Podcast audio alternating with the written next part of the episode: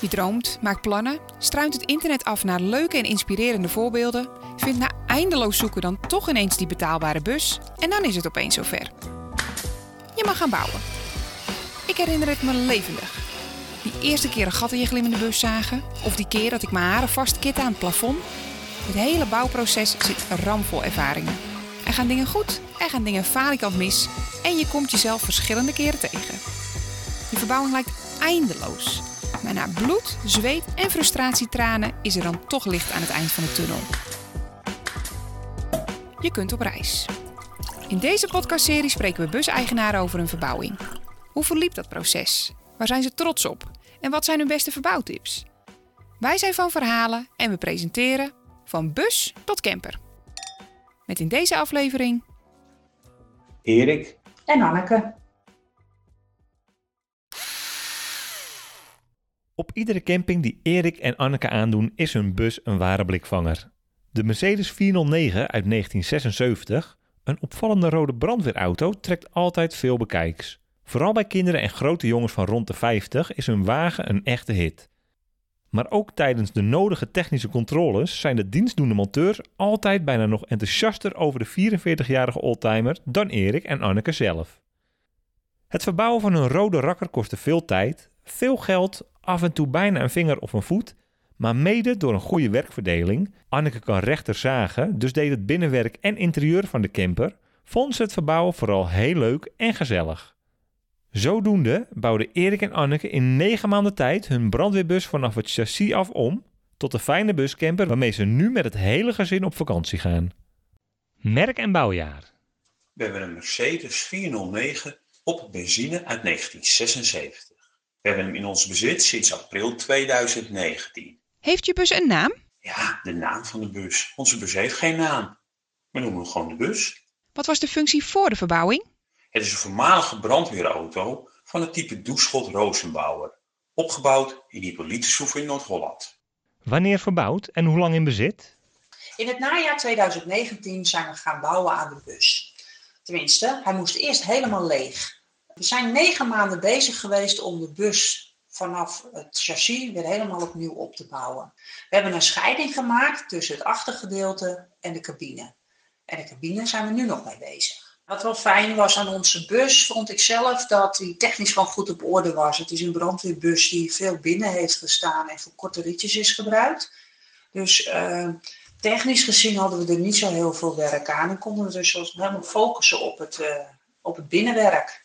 Ja, toen we hem net in bezit hadden, hebben we hem wel eerst even langs, de, langs onze eigen garage gebracht. Om, eh, ja, ik wilde toch gewoon zeker weten dat de remmen goed waren en dat er gewoon technisch eh, qua motor gewoon niets aan de hand was.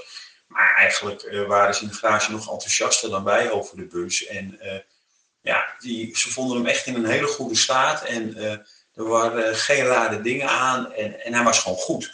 Dus dat gaf ons wel in ieder geval het idee dat we er veilig mee op weg konden. Wat vond je leuk aan de verbouwing en wat minder? Het verbouwen zelf is ons eigenlijk best wel meegevallen. Het duurde lang en het kost veel tijd en het kost veel geld en het kost af en toe bijna een vinger of eh, je voet. Maar eigenlijk vonden we het allebei hartstikke leuk om te doen.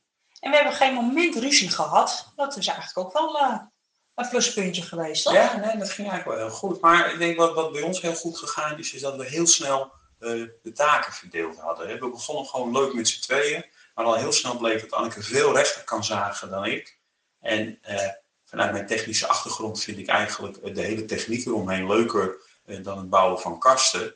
Dus eigenlijk, ja, wij hebben gewoon de taken bijna vanzelfsprekend gewoon verdeeld. Anneke die heeft de hele inbouw gedaan. En ik heb vooral, eh, ben vooral bezig geweest met, het hele, met de hele techniek. Wat waren je verwachtingen voor je begon? Voor ons was het één grote ontdekkingstocht, omdat we niet eerder een camper hadden gehad, of een bus verbouwd, of überhaupt iets aan een auto geklust. Zo kwamen we tot ons verrassing best wel wat roest tegen. eh, Dingen waarvan we dachten, wat is het? Maar tot onze verrassing was onze bus 44 jaar oud en eigenlijk best in goede staat. Ja, en het leuke van helemaal tot van de basis af beginnen, is dat we nu de bus door en door kennen. We hebben gewoon alles van de bus gezien. En we weten ook gewoon dat wat erin zit, dat het gewoon helemaal goed is nu. Eigenlijk iedere verbouwing heeft gewoon zijn slechte dingen. Wat ik een gewoon slechte, slechte periode vond, was toen die helemaal kaal was. en toch bleek dat er toch veel roest was wat weg moest, ja, dan ben je gewoon echt dagen na dagen bezig om uit hele moeilijke hoekjes roest weg te peuteren, weg te halen. En uh, ja, dan uh, vraag je wel eens af als je zo rondkijkt of het ooit nog een camper gaat worden. Op welk onderdeel ben je het meest trots? Waar we het meest trots op zijn, is dat onze bus nog echt een oldtimer is. Uh, zowel van buiten als van binnen. Van buiten zie je echt een brandweerbus met zwaailampen erop. De sirene doet het nog. Uh, we hebben hele mooie rolluiken in de bus. Trappen zitten er nog op, waarmee je op de ladderwagen kan komen. Uh, en die originele details hebben we aan de binnenkant met bouwen wel geprobeerd zoveel mogelijk intact te laten. Dus wat je ziet is dat we achter bijvoorbeeld het rolluik gebruiken om in de garage uh, onder het bed te komen. We hebben geprobeerd de dakspanten, dus de bogen in de bus te behouden. En het dashboard is echt nog helemaal origineel, met alle lampjes en dingetjes erop. Wat maakt jouw bus uniek? Wat onze bus wel uniek maakt, is dat die relatief klein is, maar 5 meter. En dat we toch met z'n vieren ermee op vakantie gaan. Uh, dat wordt mogelijk gemaakt omdat de kinderen dus uh, in een daktent slapen op het dak. En die kunnen gewoon met de tappetjes omhoog. Um, we hebben een hele mooie zonnepanelen op het dak. En wat ik zelf heel handig vind, is dat ons bed in de breedte zit. We hebben een bed van 1,95 meter. En we hebben gewoon een mazzel dat onze bus 2,5 meter breed is. En we hebben ontzettend veel opbergruimte gecreëerd, hè? Ja, ja zeker. Ja, hoop kastjes, hoop handige kastjes. En, en wat leuk maakt is, die bus trekt dus heel veel bekijkers. Dus we zeggen altijd, nou, of een camping leuk of niet was, dat meten we een beetje af aan het aantal mensen dat we op bezoek krijgen. Die zo echt een foto willen maken van de camper of er een keer in willen kijken. Vooral uh, kinderen vinden het fantastisch. Ja, en grote jongens van een jaar of 50. Oh, die ook, ja, absoluut. Wat zou je achteraf, met de kennis van nu, anders gedaan hebben? Hadden we dingen anders gedaan als we terugkijken? Denk ik niet. Uh, we hadden van tevoren echt wel een goed plan en lang nagedacht van wat we wilden. Ik zou wel gelijk, als ik nu aan de gang zou gaan, goed gereedschap kopen. En dan maar een hoop geld uitgeven, maar dat scheelt uh, heel veel ergernis. En heel veel tijd. En heel veel tijd, ja. ja. En wat we anders gaan doen, is als we gaan slijpen in de bus met een slijpschijf, dat eerst de ramen afplakken. Dat hadden wij niet gedaan. Bedoel, op één raam zag je gewoon het slijpspoor lopen. Dus dat, uh, ja, daar hebben we ook het werk aan gehad om dat weer een beetje goed te krijgen. Wat zou jouw advies aan toekomstige bouwers zijn? Ja, en een advies voor anderen als ze gaan bouwen. Nou, ik denk dat het belangrijkste is gewoon volg je droom. Je, bent, je hebt een idee over hoe het zou moeten zijn. En ik denk gewoon dat je uiterste best moet gaan doen om dat voor elkaar te krijgen. En dan ook niet te veel luisteren naar mensen die, die dat niet zo goed zien zitten. Want dat uh, leidt alleen maar af. Ja, en geef nooit op. Hè. Maak een plan van tevoren. Geef niet op. En de basis is denk ik, koop niet overhaast een bus, maar koop een goede bus. En gebruik goed materiaal. Hè? Ja, en kijk goed rond. Hè? Op internet, Instagram, weet ik waar overal. Doe ideeën op. Er zijn veel meer dingen te verzonnen dan dat je zelf kunt verzinnen. Dus ik denk dat het gewoon heel goed is om je te laten inspireren door al die bussen die al gebouwd zijn. Zelfbouw of vakman? Ik zou altijd zelf gaan verbouwen. Het is gewoon leuk. En als je de tijd hebt, het erin wil steken. En de durf. En de durf. Uh, niks aan de hand. Maak je echt uh, ontzettend mooie tijd van. En je krijgt een unieke camper. Dat ook, geen 13 in dozijn bus. Maar en, uh, ja, kijk, zoek je een, een camper die eruit ziet alsof die zo uit de hobbycollectie komt, dan moet, moet je, je lekker. dan moet je hem laten bouwen. Precies. Functioneel of mooi?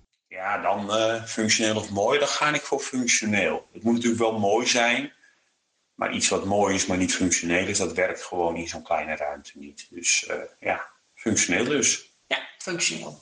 In de winter of in de zomer verbouwen? In de zomer of winter verbouwen. Wij hebben in de winter gebouwd, omdat je dan uh, in de zomer lekker weg kan.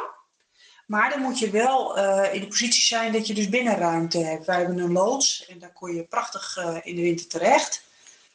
Dus voor ons het gelijk weer in de winter doen. Ja, we zijn nu weer bezig. Precies, maar als het niet lukt, hè, als je het buiten moet doen, ja, dan denk ik voorjaar of de zomer. Want ja, op een gegeven moment wordt het zo koud dat je ook gewoon je gereedschap niet meer kan vasthouden. Dat lijkt me ook niks. Fulltime op reis of op vakantie? Wij gebruiken de bus voor vakantie. Dus voor ons echt een vakantie- en gezinsbus. Uh, maar dan wel graag lange vakanties. Dan wel lang, maar ik zie ons daar niet in wonen. Nee, daar is de bus te klein voor. Ja, daar zijn wij denk ik mensen ook niet voor. Nee. In deze van bus tot camper hoor je het verhaal van Anneke en Erik. Benieuwd naar hun mooie rode bus? Vind ze op Instagram, Mercedes409. Ook van verhalen vind je op Instagram, jawel, van verhalen. Vond je dit een leuke aflevering? Benieuwd naar meer fan- en camperlife verhalen? Of onze reguliere Van Verhalen reis- en fanlifestyle podcast? Vind Van Verhalen in je favoriete podcast app. Abonneer je, volg ons, luister alles terug en mis geen volgende aflevering. Luister jij je podcast toevallig via iTunes of Apple Podcasts? Laat dan vooral een leuk berichtje en wat sterren bij ons achter. Dit zorgt ervoor dat wij nog iets beter gevonden worden en onze verhalen nog iets beter kwijt kunnen. Tot de volgende!